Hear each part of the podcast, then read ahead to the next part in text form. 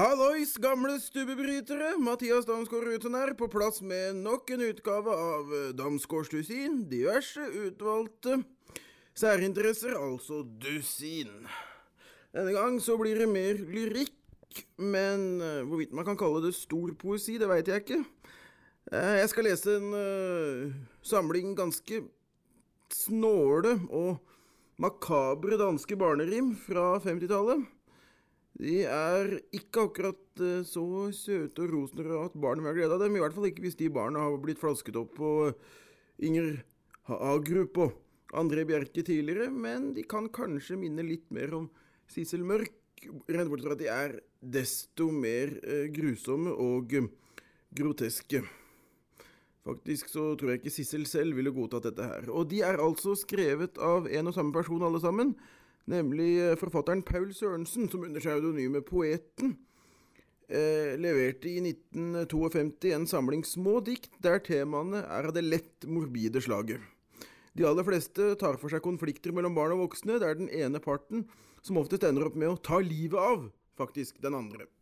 Og eh, vi skal begynne med et av de diktene som illustrerer dette best, nemlig diktet Umenneskelig fristelse. Lille Jan skal holde stigen, slik at far seg plukke kan grener som gir svirp og svien i et bjerkeris til Jan. Høy er bjerka, jorden, hår, far ble 29 år. Og fra slikt så skal vi over til eh, noe som ikke ligger så veldig langt unna i tid, nemlig sankthansaften. Den har jo nettopp vært, og vi får håpe at dere alle sammen der ute hadde en litt hyggeligere sankthansaften enn det jeg skal lese om i diktet til Bloksberg, som kommer nå. Alfred hadde stablet grene til sankthansbål helt alene. Øverst som en kusk på bukken satt livaktig heksedukken. Far kom ut og fikk det tent, både bål og heks ble brent. Luedans og flammer blå grepet så familien på. Alles øyne hadde glans under sangen om sankthans. Slutt, en siste lues blaffen, det var tid for aftenkaffen. Plutselig fra far det lød, mens den aller siste glød søvnig ulmet hen i blesten. «Øh, Hvor er bestemor, forresten? Ja, sånn kan det gå. Og vi skal fortsette, vi, med et godt, gammelt husråd. Og her må vi huske på at det i diktet brukes det danske ordet for sopp, altså svamp. Svamp er altså sopp. Det er sopp det er snakk om her. Plukker i skogen du ukjente svamper, så la først lillebror smake derpå. Dersom han dør under skrik og kramper, så bør du selv la svampene stå. Og hvis ingenting skjer med den lille, ja, så gikk den porsjonen svamper til spille.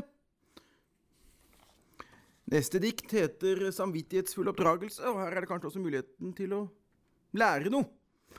Eh, til eh, ettertanke og for ettertiden. Skal vi se.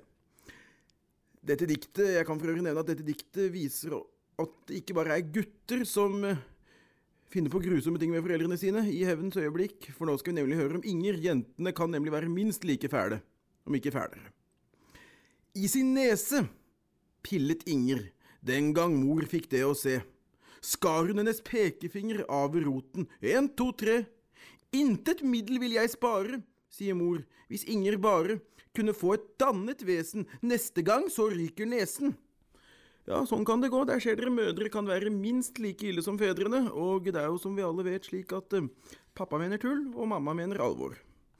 Men nå skal vi over til lille Jakob, og uh, barn har sin egen måte så, å finne ut av ting på, og som oftest har de sin egen vri på ting også, og sin egen måte å løse problemer. Nå skal vi høre om lille Jakob, som sagt, som er en betenksom liten sønn.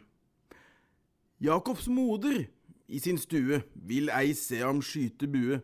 Jakob sikter ring, pling, pling. Nå ser moder ingenting.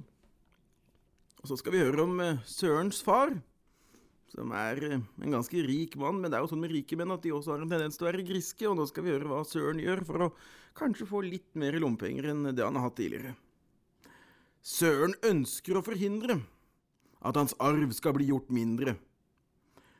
Da gutten ei var hodesvak, stjal han onkels motorsag. Søren arver nå hvert plukk. Faren har blitt evenok. altså Munch. Jeg kan jo for øvrig også nevne at uh, det går an å si Søren arver nå hvert grann. Faren er ei lengre mann. Poenget er i hvert fall at uh, en del av Sørens far ikke er der lenger, og det er kanskje den viktigste delen for at vi gutter skal føle oss som vel, vi gutter. Nok om det. Så skal vi over til eh, nok et dikt innenfor eh, dette med gode husråd og livsvisdom, nemlig Hensikten helliger middelet. Da Sven laget sprell ved familiens taffel, stakk mor ham kaldblodig i hjel med sin gaffel. Far gned sine hender tilfreds etter mordet, ja, nå sitter da gutten stille ved bordet. Matro er viktig for felles trivsel, og vi skal avslutte med et eh, dikt som heter Hevnen er søt. Ivars pappa ga ham pryl, sovnet så fra sønnens hyl. Ivar hentet seg en syl, Ivar får ei lenger pryl. Ja, dette var altså et utvalg av eh, poeten Paul Sørensens barske børnerim for viderekomne voksne, som kom ut i Danmark i 1952. Det kom en norsk utgave ut på Lykke forlag i 1953. Og hvis dere vil lese mer av disse diktene, hvis dere syns det var morsomt, så anbefaler jeg dere så absolutt å se etter boka på biblioteket, eller søke etter diktene på nett. Her er det mange godbiter som eh, de fleste kanskje ikke har hørt om i dag. Og eh, hva som skjer neste uke i eh, neste Damsgårdsdusin, det aner jeg ikke. For eh, det har jeg ikke planlagt ennå, men den som lever, får se. Dette her var i hvert fall episode fire, og vi ønsker på gjenhør om syv dager med et nytt tema. Takk for nå, og ha fortsatt fine sommerdager der ute.